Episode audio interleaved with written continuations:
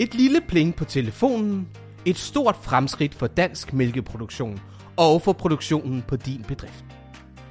Algoritmer, koder, datastrømme og kunstig intelligens er overalt i danskernes hverdag. I dansk mælkeproduktion har vi arbejdet med det i overvis, og vi er langt fremme til gavn for dig.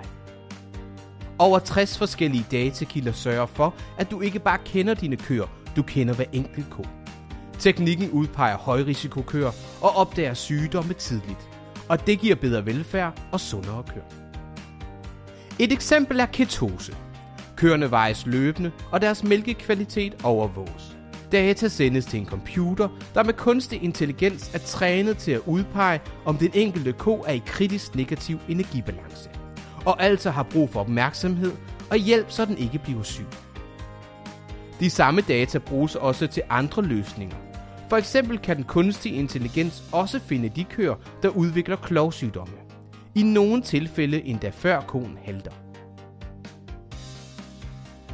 Koens aktivitetsniveau kan også måles, og igen kan kunstig intelligens hjælpe. Denne gang til at udpege både syge køer og køer i brunst. Landmanden får direkte besked og kan undersøge koen eller få den insemineret.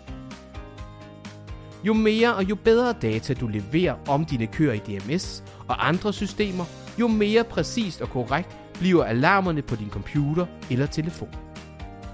Hvert pling er med til at give sundere køer og en bæredygtig mælkeproduktion.